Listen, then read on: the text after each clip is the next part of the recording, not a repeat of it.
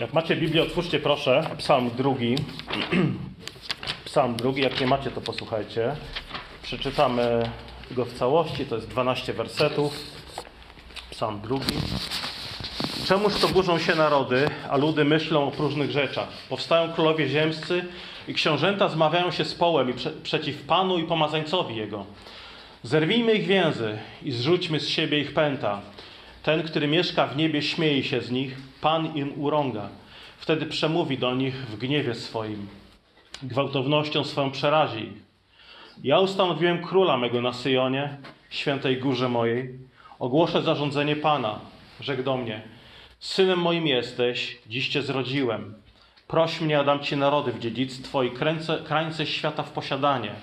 Rozgromisz je berłem żelaznym, roztłuczesz jak naczynie gliniane. Bądźcie więc teraz rozsądni królowie.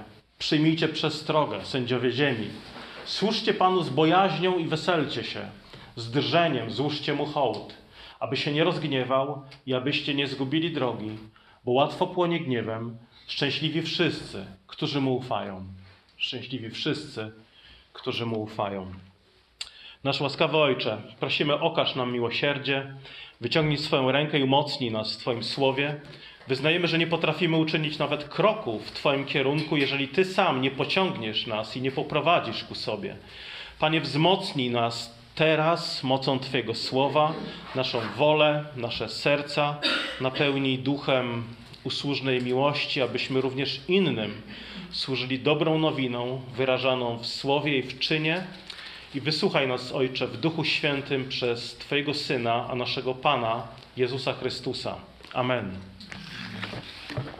Nie bez przyczyny czytamy Psalm drugi na początek nowego roku. Wchodzimy w nowy rok i potrzebujemy tej, można powiedzieć, Bożej perspektywy i Bożej też pociechy, Bożej nadziei, też w trudnych, niepewnych czasach. I ten psalm, psalm drugi, jest naprawdę wspaniałym proroctwem e, dotyczącym panowania Mesjasza. Myślę, że jest dobrym tekstem biblijnym właśnie na rozpoczęcie nowego roku, ponieważ ten psalm wnosi dużo nadziei i oznajmia, że zwycięstwo w historii należy do Pana oraz pomazańca Jego, jak czytamy w psalmie.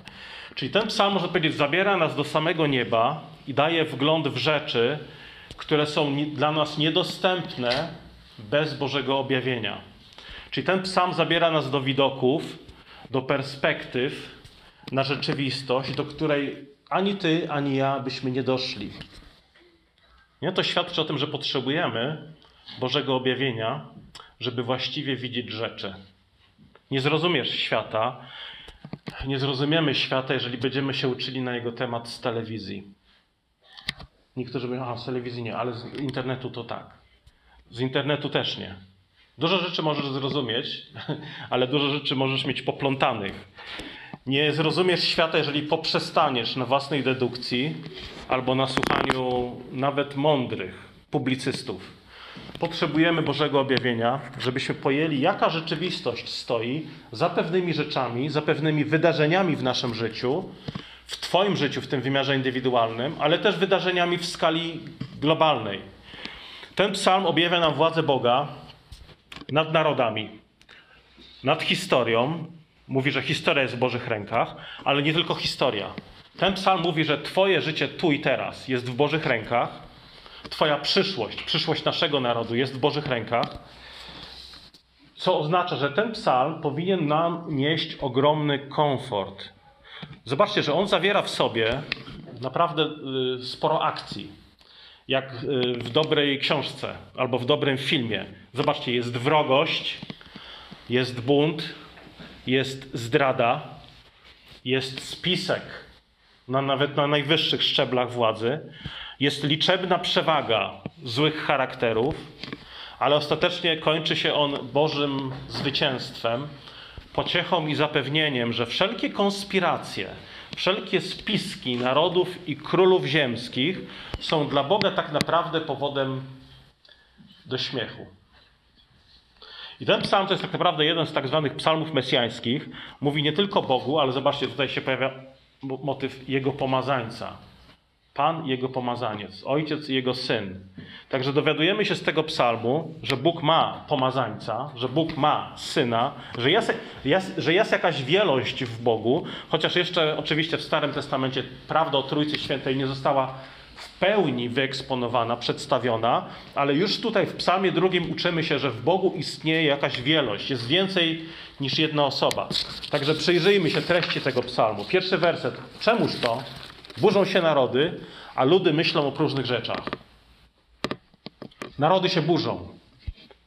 W Biblii pogańskie narody, czy wszystkie narody, prócz Izraela, są często przyrównywane do wzburzonego morza, do rozwścieczonych fal morskich, które zawsze są niespokojne, rozpryskują się na wszystkie strony. Można by powiedzieć, że narody, które nie znają Boga prawdziwego, uganiają się właśnie jak te rozpryskujące się fale morskie za swoimi porządliwościami, pragnieniami, są wiecznie niespokojne, zamiast podążać za Bożym objawieniem. I tą symbolikę tych wzbożonych narodów, które nie znają Boga, przyrównanych właśnie do, do mórz, fal, no często mamy w Starym Testamencie. Na przykład Księga Izajasza 17:12. Biada, wrzawa licznych ludów. Burzą się owe ludy, jak burzy się morze. Szum narodów. Szumę jak szum gwałtownych wód. W Księdze Apokalipsy pogańscy władcy są przyrównani do bestii, która wychodzi z morza. Czyli znowu ta symbolika morza i władcy to są ci, którzy z tego morza wychodzą. Czyli narody są niespokojne, jak szum gwałtownych wód, są szalejące. I taki jest człowiek bez Boga. Jest niespokojny, czegoś szuka, kontroli, władzy, wpływu, może jakiegoś, no, może nawet pokoju ducha, ale bez Boga niczego takiego nie można znaleźć. Tylko Bóg może zaspokoić nasze najgłębsze pragnienia. Pamiętacie tę, mm, tą historię w Ewangeliach, kiedy Jezus płynie łodzią z uczniami, nagle mamy wzburzone fale, yy, które podtapiają łódź.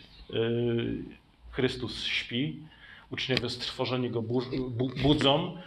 I co robi Jezus? Momentalnie wypowiada słowo cisza. Do, do burzy, do szumiących y, fal mówi ucisz się.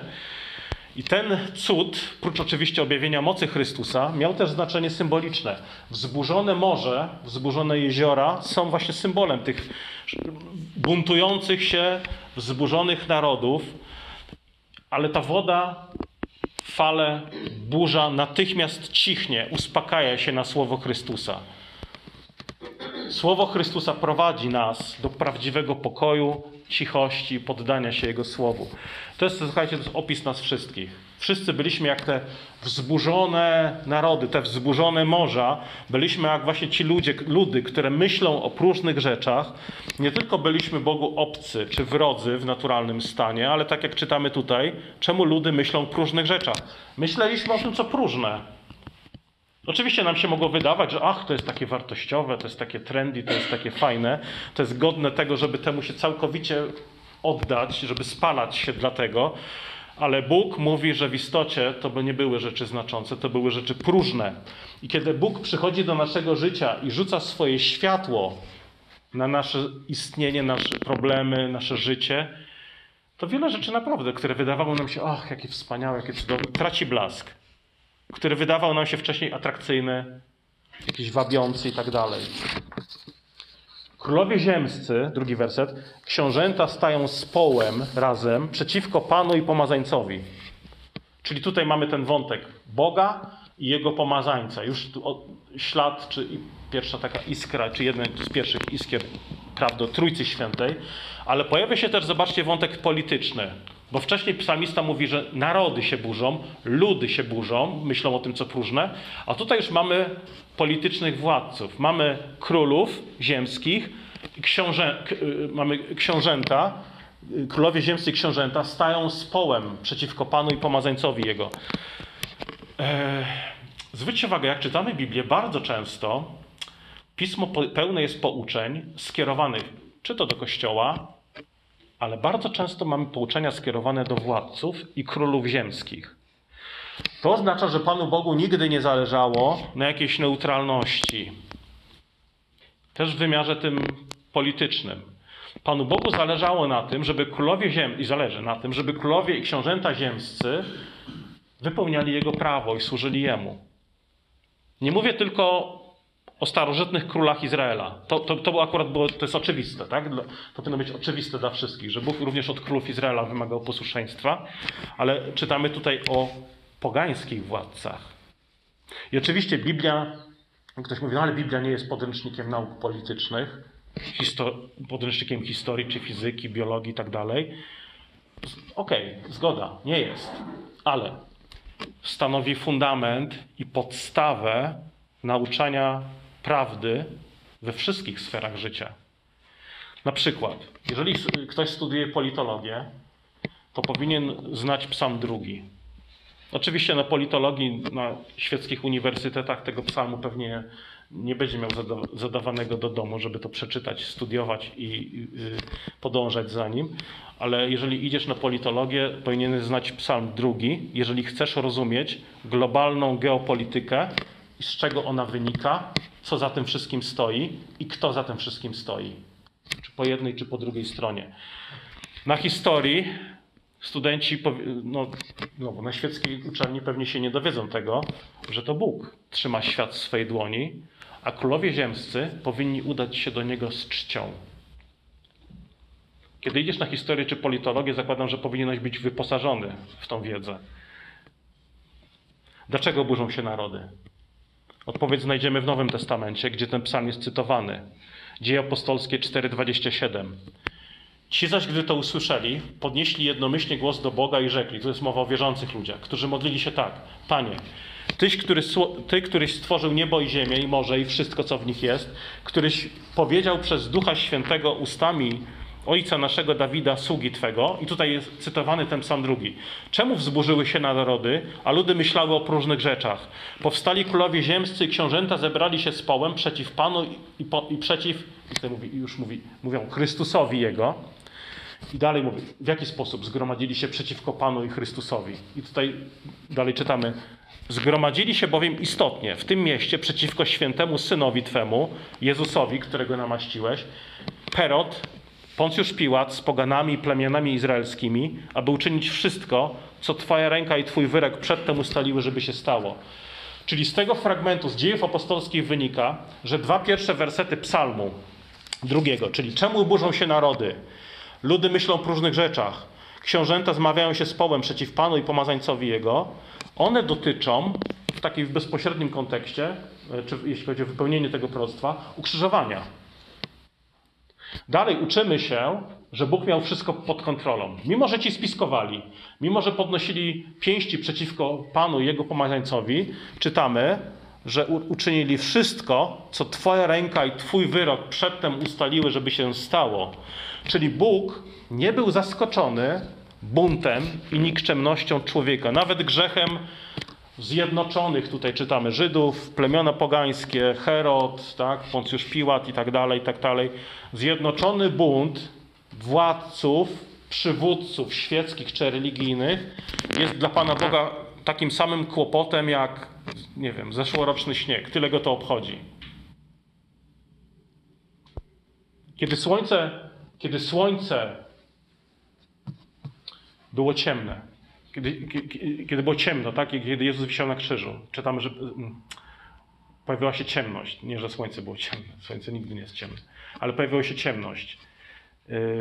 Kiedy uczniowie zostali rozproszeni, kiedy nasz Pan był w udręce, kiedy Sanhedryn był dumny z tego, że o, oto nasz plan jest realizowany, kiedy Piotr zaparł się swojego Pana, kiedy Maria płakała pod krzyżem, kiedy Judasz zdradził Jezusa i pogrążył się w rozpaczy, te tragiczne wydarzenia ostatecznie były Bożym zwycięstwem. Ostatecznie to wszystko przysłużyło się do Bożego zwycięstwa. I teraz co ważne, pośród tych rzeczy. Boże zwycięstwa odbywają się w Twoim życiu pośród problemów poprzez Twoją wierność. Boże zwycięstwa w Twoim życiu objawiają się nie w braku problemów, ale pośród problemów. C.S. Lewis powiedział: Życie z Bogiem nie polega na zwolnieniu z problemów i trudności, lecz na pokoju pośród nich. Pokoju pośród nich. Nie? Zobaczcie, jak aktualne, jak, jak no, współcześnie te słowa dzisiaj brzmią. Mój przyjaciel e, Jarek Korzeniowski, który jest pastorem, napisał coś też takie zdanie, które myślę też będzie dla mnie bardzo pocieszające.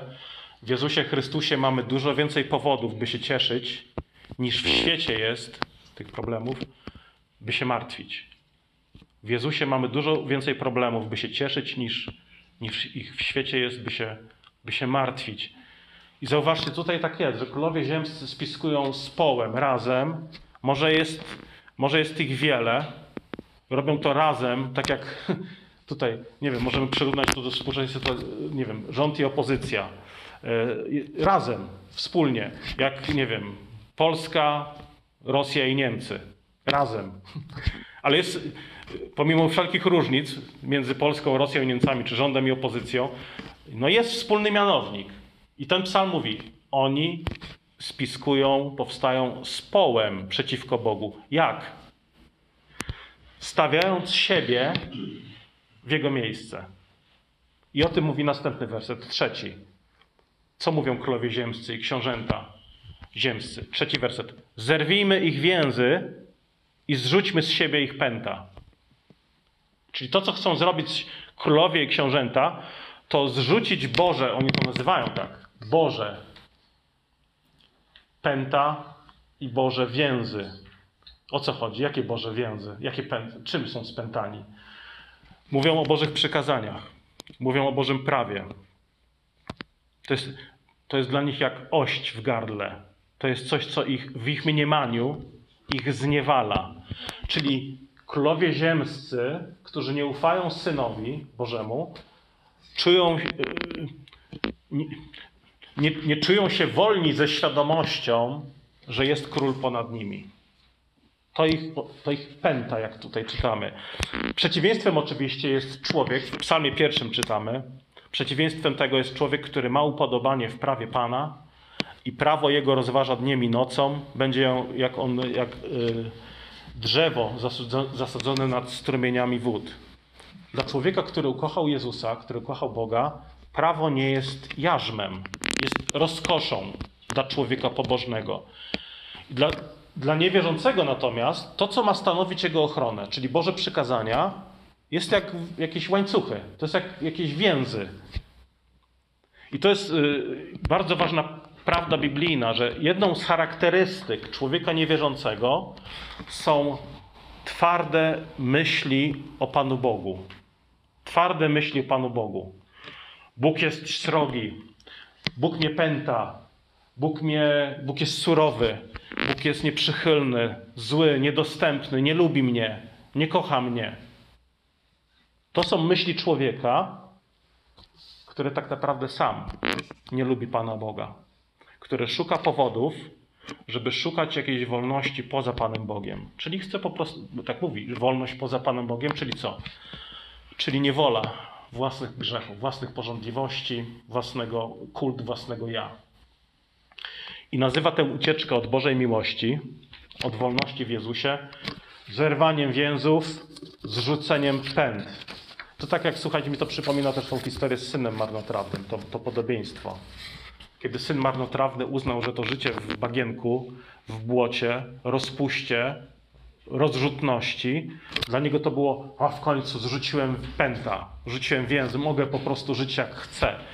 Skończyło się zniewoleniem w grzechu, rozpaczą i na szczęście ta historia ma happy end, powrotem do miłości Ojca. Ale też ten psalm mówi, taka jest postawa królów ziemskich. Niechęć zwykle, mówię, są oczywiście wyjątki, ale ogólnie niechęć możnych do panowania Jezusa nad nimi. Zjednoczony sojusz przeciwko niebu, no właśnie wynika z odrzucenia panowania Chrystusa. I ten, ten buntowniczy sojusz, słuchajcie, on zwykle nie jest spisany na kartce. To nie jest tak, że królowie ziemscy, nawet w czasach Dawida, spotkali się na jakimś plenarnym zebraniu, stwierdzili, jeden powiedział jakiś tam król Babilonu, hej, słuchajcie, król Asyrii i Egiptu, spiszmy to. Spiszmy, że my po prostu ten Bóg Izraela to w ogóle nas ja, y, nakłada jakieś pęta. Spiszmy oświadczenie, przybijmy to do drzwi naszych pałaców, oznajmijmy to naszym wiernym. No nie, ten sojusz zwykle nie jest spisywany publicznie, ale on ma miejsce. Inaczej się przejawia. Poprzez wykluczenie Boga, poprzez ignorowanie Bożego Słowa w takich sprawach jak prawa człowieka, wolność obywatelska, dzielenie ludzi na obywateli pierwszej i drugiej klasy, czyli jakaś segregacja, to zobaczcie, nawet dzisiaj widzimy zastosowanie, kiedy, kiedy, kiedy zajmujący wysokie stanowiska zachowują się tak, jakby przed nikim nie odpowiadali, jakby ponad nimi nie było króla królów. Nie ma wyższego autorytetu ponad nami. Nie ma praw człowieka, których nie wolno nam łamać w imię A, B, C, D, E, F i czegoś tam jeszcze. Wszak to my definiujemy, co ci wolno, co nie. To my jesteśmy autorami Twoich praw i wolności obywatelskie. Skoro my jesteśmy autorami i my Wam dajemy wolność obywatelską, to możemy tą wolność Wam odebrać, kiedy chcemy. Słuchajcie, Pan Jezus uczył nas, to jest ogólna diagnoza. Znowu, pamiętajcie, są wyjątki, ale jest to, myślę, mądrość, którą warto pamiętać w kontekście też jakichś politycznych zawieruch. Ewangelia Mateusza 20-25. Jezus przywoławszy uczniów rzekł. Wiecie, iż książęta narodów nadużywają swej władzy nad nimi, a ich możni rządzą nimi samowolnie. To są słowa Pana Jezusa, nie moje. Nie jakiegoś tam, nie wiem, socjologa, który był uprzedzony no, nie wiem, rządzący. Pan Jezus mówi, książęta narodów nadużywają swej władzy nad nimi, a ich możni rządzą nimi samowolnie. I trudno się nie zgodzić, kiedy spojrzymy na teraźniejszość i na historię. Oczywiście są wyjątki od tej zasady, czy to w Biblii, czy w historii. Pewnie dzisiaj też można znaleźć takie wyjątki. Ale tego się spodziewajmy, takiej postawy od człowieka, który nie zna Boga. I nie bądźmy zaskoczeni, kiedy człowiek bez Boga dostaje dasz mu do, do ręki władzę, dasz mu do ręki wpływy. Nie zdziw się, że człowiek bez Boga, mając władzę i możliwości, będzie chciał zająć miejsce Pana Boga. I mówię, nie tylko Biblia nas uczy tej perspektywy, popatrzcie na historię, popatrzcie na teraźniejszość. I teraz mamy tutaj y, przedstawioną perspektywę królów ziemskich, buntu, książąt i narodów. I teraz Psalmista nas prze, przenosi teraz, y, mamy drugą, y, idziemy teraz, kamera idzie do góry, perspektywa nieba. Ok, Pan Bóg przedstawił nam tę perspektywę królów ziemi i teraz sam zabiera głos, patrzy na to wszystko z nieba i mówi, jaka, y, czyli jaka jest Boża reakcja. Czwarty werset. Ten, który mieszka w niebie, śmieje się z nich, Pan im urąga. Czyli Bożą reakcją na zjednoczony bunt książąt i królów ziemskich jest śmiech. Czyli no Pan Bóg ma poczucie humoru. Dla niego śmieszne są nawet zjednoczone wysiłki królów ziemskich przeciwko pomazańcowi pańskiemu, przeciwko Chrystusowi. W Piśmie Świętym bardzo często mamy przedstawioną ironię jako odpowiedź na jakąś, na jakieś, nawet na głupotę, na naiwność ludzką. Pamiętacie y, Eliasza, który śmiał się, kpił z wyznawców Baala na górze Karmel. W Księdze Królewskiej 18:27 y, czytamy, że gdy nastało południe, Eliasz zaczął drwić z nich, mówiąc: Wołajcie głośniej, wszak jest Bogiem, ale może się zamyślił. Tam pamiętacie tą scenę, to była próba ognia, tam nakuwali się i tak dalej. Chodziło o to, żeby zapłonął ogień, nie? Yy, no i tam robili różne jakieś takie wygłupy, łącznie z samookaleczaniem się. I on mówi, może wołajcie, bo wołali do Bala, wołajcie głośniej, może wszak jest Bogiem waszym zdaniem, tak? Może się zamy, zamyślił lub jest czymś innym zajęty, lub może udał się w drogę, albo może śpi, niech więc się może obudzi. To pokazuje, to, to nie chodzi o, nie wiem, naśmiewanie coś z człowieka, żeby ktoś tam się obraził. Chodzi o obśmiewanie, chodzi, chodzi o obśmiewanie ludzkiej głupoty i ludzkiej naiwności i ludzkich zabobonów. Żarty są dobrym sposobem nie traktowania zbyt serio pewnych ideologii. Jeżeli słyszysz jakąś głupią rzecz, to zamiast po prostu za, on podrapać się w głowę, o jak to odpowiedzieć na to, ojej, ja muszę jakiś przygotować odpowiedź, referat. No. Nie, możesz, możesz zażartować. Nie z człowieka, ale z danego sposobu myślenia czy ideologii. Yy, Niektórzy z Was mówili, czasami jak rozmawiamy yy, przy kawie, niektórzy z Was opowiadają o jakichś filmikach z udziałem Benny Hina bodajże tak się nazywa, ten uzdrowicie, co tam marynarką rzuca w ludzi i oni padają na ziemię. Z jednej strony to może przerażać, z drugiej strony można się z tego śmiać. I kiedy się śmiejemy, to nie śmiejemy się z tych ludzi. To są ludzie zwiedzeni, to są ludzie oszukani. Jeżeli się śmiejemy, to śmiejemy się z krótkowzroczności i naiwności. No jak można? No co ty? Poważnie ty to traktujesz serio? Ty wierzysz, wierzysz że to jest od Boga? Żarty są, myślę, czasami, nie zawsze, ale czasami dobrym sposobem osłabiania siły pewnych ideologii, czy nawet pokus. Zwróćcie uwagę, że, nawet, że grzech, nawet grzech, często przy, wchodzi do naszego życia, kiedy się zbytnio koncentrujemy na pokusie. Żartowanie z niej no, pomaga nie traktować zbyt serio, nawet samych pokus, nie skupiać się na niej. I Bóg śmieje się. Bóg się śmieje nawet z połączonych, zjednoczonych wysiłków narodów. Nawet połączone siły wszystkich królów nie są w stanie zmienić Bożych postanowień, ani zagrozić Jego władzy. Zobaczcie, że żyjemy w czasach, kiedy nawet chrześcijanie e, publikują różne teorie, że ojej, bójmy się, bójmy się, bo to e, nadchodzi ogólnoświatowy rząd. Nadchodzi, ogól, e, nadchodzi jakaś katastrofa ekologiczna wskutek działań polityków i ekologów, czy albo antyekologów, kto tam wie. Ale Biblia mówi, że y, wyluzujmy się, żebyśmy się wyluzowali. Nie w sensie lekceważyli to, co się dzieje, bo wiele z tych działań to są działania niszczące, ale Psalm drugi uczy nas wiary w happy end. Przeciwko tym wszystkim spiskom, bezbożnym sojuszom, a nawet rzeczywistości, która być może nadchodzi. Niefajnej rzeczywistości. Czyli kiedy słyszymy, że oto jest realizowana, albo wierzymy, że oto jest realizowana jakaś polityczna agenda, która niszczy prawa człowieka, godność człowieka, prywatność, własność prywatną, segreguje ludzi na obywateli pierwszej i drugiej klasy, no to słuchajcie, nie musimy czekać na koniec świata, na zebranie, na zabranie nas z tego świata, na jakieś, jak to niektórzy nasi przyjaciele mówią, na jakieś sekretne pochwycenie przez Jezusa w chmury. Możemy z wiarą i nadzieją iść naprzód, robić swoje z nadzieją, że zwycięstwo należy do Pana i pomazańca Jego. Co to jest dla Niego? Nawet zjednoczone sojusze narodów i królów ziemskich. Yy, są tutaj tacy, którzy oglądali film Komando z lat, nie wiem, czy to 80., czy 90. I w tym filmie jest oczywiście Arnold, który gra, gra pułkownika. John Matrix się nazywa. Ciekawe, John Matrix nazwisko miał. Yy, I tam źli ludzie porywają jego córkę. I kiedy ją tam, nie wiem, wiążą do krzesła, mówiąc, że zaraz przyjdzie twój ojciec, go zabijemy w ogóle, że oczywiście chodziło tam, że, że była zakładniczką, żeby go gdzieś tam zwabić, a nie, nie zwabić, żeby on e, uśmiercił chyba prezydenta, kogoś miał zabić. Oni go szantażowali, że musisz zabić prezydenta, bo inaczej my zabijemy twoją córkę. No i jak ci, ci bandyci rozmawiają z tą córką, próbują ją zastraszyć, że tutaj ma bądź grzeczna, bo inaczej my cię zabijemy, to ona mówi tak. Mniej więcej takie słowa tam padają. E, To nie jest cytat dosłowny, ale przesłanie jest takie. Słuchajcie, zaraz przyjdzie mój tata i zrobi wam łomot. I to jest. e, I, i, i, I słuchajcie, to właśnie komunikujemy, idąc za psalmem drugim. Nie ma mowy, nie ma mowy, żebym poddał się pogardzie. Co, co, nie ma mowy, żebym klasyfikował człowieka na lepszego i gorszego.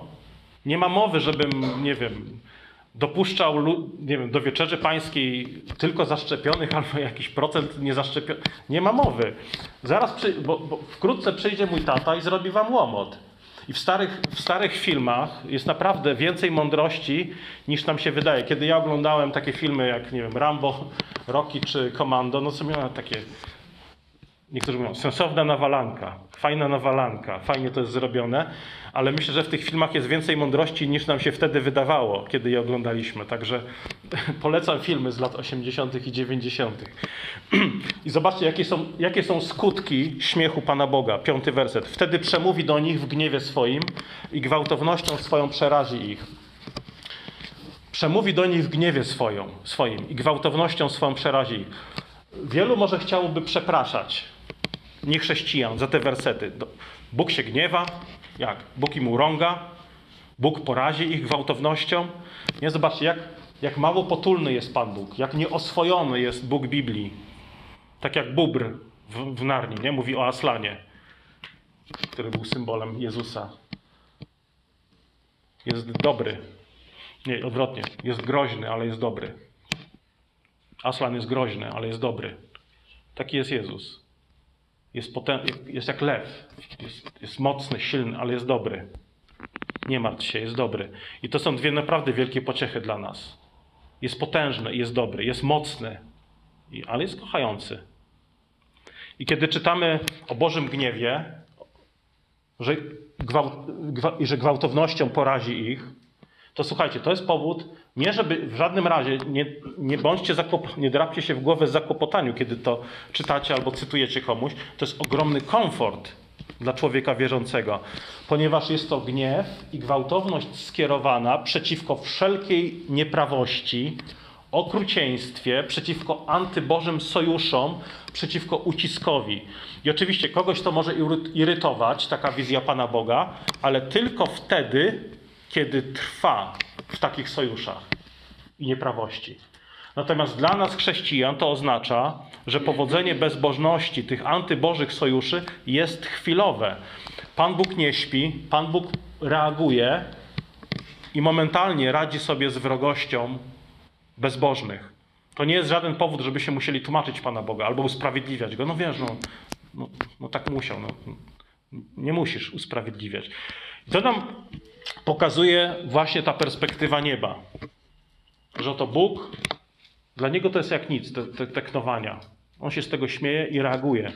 Odwracając się od tej perspektywy nieba, no naprawdę możemy popaść w beznadzieję i smutek.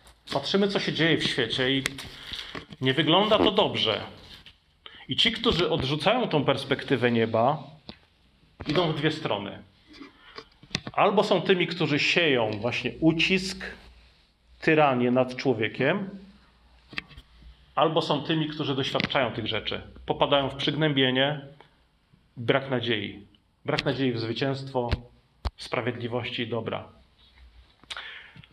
Jeżeli ktoś nie uwzględnia perspektywy nieba, którą odsłania nam Psalm drugi, no to, no też mamy nieprawdziwe spojrzenie na rzeczywistość.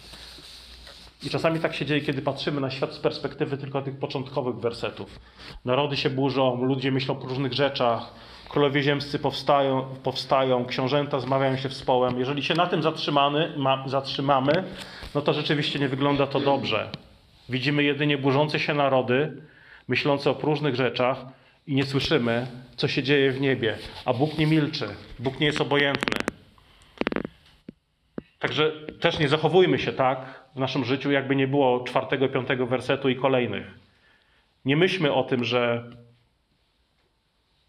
Bóg jest obojętny. Bóg reaguje. Jeżeli nie teraz, to znaczy, że ma jeszcze jakiś cel. Ale to nie powinno nam przeszkadzać w poselstwie. I tak mój tata zrobi porządek. Jak nie jutro, to za tydzień. Jak nie za tydzień, to za miesiąc. To trochę jak z Noe, nie? że budował tą arkę, budował tą arkę pośród właśnie nieprawości, pośród pewnie ludzi, którzy pukali się w głowę, mówią, co ty wyprawiasz, gdzie ta woda, no gdzie ta woda. No co Noe pewnie mógł powiedzieć, no w Bibliach dla dzieci jest stwierdzenie, spokojnie, woda będzie. Ale to takie, myślę, że takie było to, to łagodne, woda będzie. Myślę, że mógł im na przykład powiedzieć spokojnie, niedługo poczujesz tą wodę całym sobą.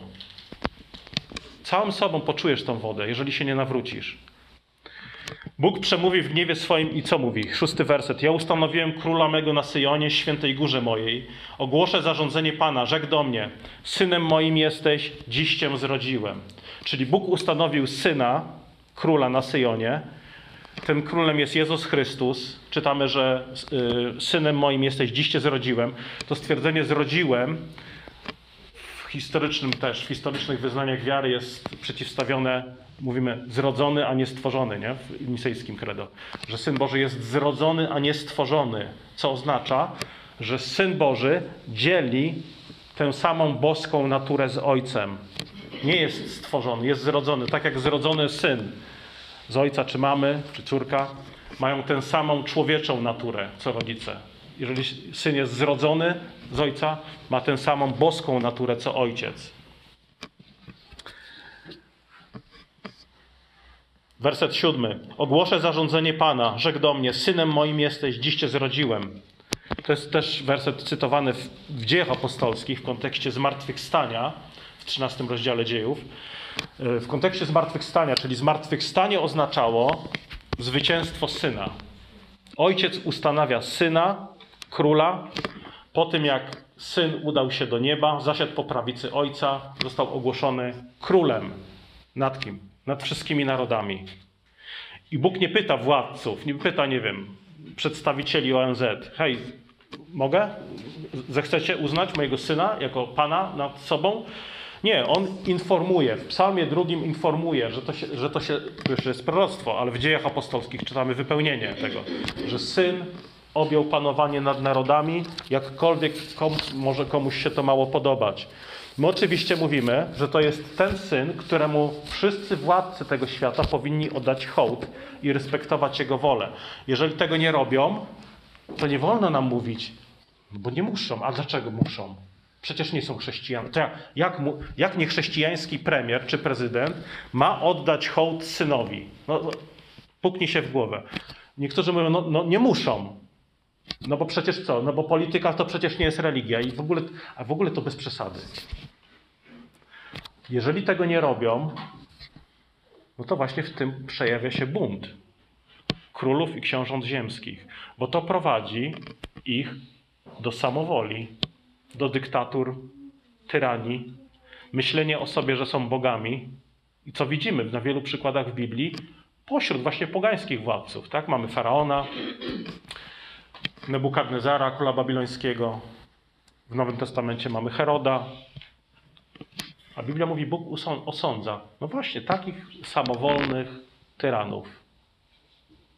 I dalej psalmista odsłania przed nami tutaj dalsze kulisy nieba. Ósmy werset. Proś mi, a ci narody, mówi ojciec do syna, w dziedzictwo i krańce świata w posiadanie. Czyli Bóg mówi do syna, tylko poproś, a dam ci narody w dziedzictwo. Wszystkie krańce ziemi. Nie tylko granice starożytnego Izraela. Czyli jeżeli myślicie, co, jaki naród nie należy do Chrystusa dzisiaj? No to słuchajcie, nie ma takiego. Nie ma. Chrystus otrzymał swoje dziedzictwo. Oczywiście są narody zbuntowane, ale w tym się przejawia bunt, że nie uznają króla ponad sobą, Jezusa Chrystusa. Chrystus otrzymał swoje dziedzictwo. To jest sprawa, która się dokonała, kiedy Jezus zasiadł na tronie po prawicy Ojca podczas wniebowstąpienia. To nie jest coś, co nasz rząd powinien rozważać. Ha, czy, czy Jezus jest naprawdę królem świata? Czy Jezus jest królem naszego kraju? Nie, to jest sprawa załatwiona. To jest fakt dokonany. I narody, które tego nie uznają, martwią Boga w nie większym stopniu niż, niż psy, które szczekają do księżyca, martwią tym księżyc. I zadanie wiernego Kościoła jest to ogłaszać. Mówić, że Jezus Chrystus jest Panem. Oto wszyscy książęta i królowie ziemscy powinni oddać Mu hołd. Panowanie Jezusa ma skutki też właśnie polityczne, oczywiście. Jednym z nich jest opamiętanie ze zniewalania ludzi. Jeżeli Kościół nie wierzy, że Jezus objął władzę i panuje nad królami ziemskimi, jeżeli Kościół w to nie wierzy, to słuchajcie, jak świat może w to wierzyć? Jak my możemy oczekiwać, że władcy ziemscy uznają Jezusa za swojego króla, jeżeli, jeżeli Kościół w to nie wierzy? Jeżeli Kościół zamyka Jezusa tylko w granicach pudełeczku własnego serca, albo jedynie w granicach tam, nie wiem, powierzchni budynku kościelnego, no to jak świat ma zrozumieć, że Jezus jest Panem Panów, Królem Królów, a królowie ziemscy mają uznać Jego władzę? No jak? Jeżeli Kościół tego nie robi. Dlatego tak ważne jest nasze świadectwo, Twoje świadectwo. Krańce świata zostały dane Jezusowi w posiadanie. Polska, Australia, Kanada, Afryka, Syberia, Azja. Jak, jak możemy wypraszać Jezusa z tego świata? Jak możemy go wypraszać, kiedy mówimy na przykład o wolności, kiedy dyskutujemy o prawach człowieka, prawach, nie wiem, kobiet, prawach nienarodzonych, mm, o zdrowiu, o życiu ludzkim, o segregacji. No jak można wypraszać Jezusa z takich, z takich spraw? No, no nie ma takiej możliwości. Chyba, że dołączamy do zbuntowanych narodów, które nazywają słowo Jezusa pętami, łańcuchami, więzami. Chcą je zrzucić i budować własną wieżę Babel. Z napisem Bogu wstęp wzbroniony. Ostatnie wersety. Dziewiąty. Rozgromisz je berłem żelaznym, roztłuczesz jak naczynie gliniane. Yy, to berło żelazne, ono się pojawia w Księdze Apokalipsy, w ręku Jezusa już. Jezus trzyma jako król nad narodami berło, berło żelazne i ta symbolika rozgromienia berłem żelaznym zbuntowanych narodów, niczym glinianego naczynia, oznacza po prostu krótko, że dla Boga to nie jest żaden wysiłek. Bunt narodów nic nie znaczy dla Pana Boga. Nic nie ujmuje z Jego doskonałej chwały. Co z tego wynika dla rządzących? Dla nas? Jak powinniśmy się zachować? No i tutaj dochodzimy teraz do ostatnich dwóch wersetów, czy trzech. Bądźcie więc teraz rozsądni królowie, przyjmijcie przestrogę sędziowie ziemi. Czyli jaka odpowiedzialność stoi przed Tobą, ale też przed rządem, senatem, opozycją, prezydentem, premierem? No, bądźcie rozsądni. Zobaczcie, dziesiąty werset. Bądźcie rozsądni królowie. Jesteś na wysokim szczeblu władzy? Jestem. Bądź rozsądny królu. Czyli co powinieneś robić? Szukaj mądrości z góry. Gdzie, je, gdzie ją znajdziesz? W Słowie Bożym, w głoszonym Słowie Bożym, w wiernych kościołach chrześcijańskich. Powinieneś służyć Bogu w swoich publicznych powołaniach. Z bojaźnią, tak jak czytamy 11 werset dalej, z bojaźnią i weselem. Z drżeniem złóżcie mu hołd. I oczywiście to jest trudne. Jak z drżeniem do króla mówisz? Mówisz tak złóż hołd Jezusowi. Dla nas, dla zwykłego człowieka to jest trudne, żeby ugiąć kolana przez, przed Panem Bogiem, ale to nie zmienia Bożych żądań. Kiedy na przykład jako kościoły piszemy listy do władz z szacunkiem do ich urzędu i powołania, przypominamy właśnie to. Służcie Panu z bojaźnią i weselcie się. Z drżeniem złóżcie mu hołd. No właściwie do tego się to wszystko sprowadza. To jest powołanie każdej władzy, nie tylko królów w starożytnym Izraelu. W Biblii widzimy te Boże sądy, na przykład w księdze Daniela nad pogańskimi władcami. Widzimy w księdze wyjścia sąd nad faraonem. Prorocy opisują sądy nad królami Tyru, Babilonu, Asyrii. Tak nad pogańskimi władcami. Także nie myślmy, że a, to była Asyria, Babilon, no, co oni mają wspólnego z Bogiem Izraela. I dzisiaj wielu tak myśli, to jest Polska, to jest Europa, to jest Ameryka. Co to ma wspólnego z Bogiem Biblii? No ma. No właśnie dlatego, że oni nie uznawali tego, spotkał ich sąd. I ostatni werset, aby się nie rozgniewał i abyście nie zgubili drogi, bo łatwo płonie gniewem, szczęśliwie wszyscy, którzy mu ufają. Czyli ze względu na dobro każdego, każdego z rządzących powinni uznać władzę Chrystusa z trzech powodów, tak jak tu czytamy. Aby się nie rozgniewał, czyli żeby był wam przychylny, a nie wrogi, abyście nie zgubili drogi, czyli żebyście wiedzieli, jak rządzić, żebyście się w tym wszystkim nie pogubili i rządzili mądrze, czyli módlmy się o mądrość dla rządzących. I po trzecie, bo szczęśliwi są wszyscy, którzy mu ufają. Ci, którzy mu ufają, nie zawiodą się. Tylko wtedy będziemy szczęśliwi, jeżeli będziemy budować swoje życie z dnia na dzień na Bogu. I ostatnia myśl, Czyli mamy happy end, tak? Mamy happy end, szczęśliwi wszyscy, którzy mu ufają. Psalm kończy się dobrą nowiną. Szczęśliwi wszyscy, którzy mu ufają. Każdy, kto przyszedł z wiarą do Chrystusa, uznając Jego panowanie, jest błogosławiony, jest szczęśliwy, nie będzie zawiedziony. I tylko wtedy Twoje życie będzie napełnione pokojem, którego nic, żadni królowie ziemscy, żadne wzburzone narody nie zachwieje. Psalm 33 mówi: Błogosławiony naród, którego Bogiem jest Pan. Błogosławiony naród, którego Bogiem jest Pan. Dzisiaj też będziemy chcieli się o to modlić. Błogosławiony naród, którego Bogiem jest Pan. Pomódlmy się. Panie, dziękujemy Tobie za mądrość, którą nam udzielasz w Twoim słowie. Chcemy, Panie, uczynić z niej właściwy użytek w naszym życiu. I prosimy Cię, by Twoje słowo, które usłyszeliśmy, mieszkało w nas i wykonywało swoją pracę. I modlimy się o to przez imię Jezusa. Amen.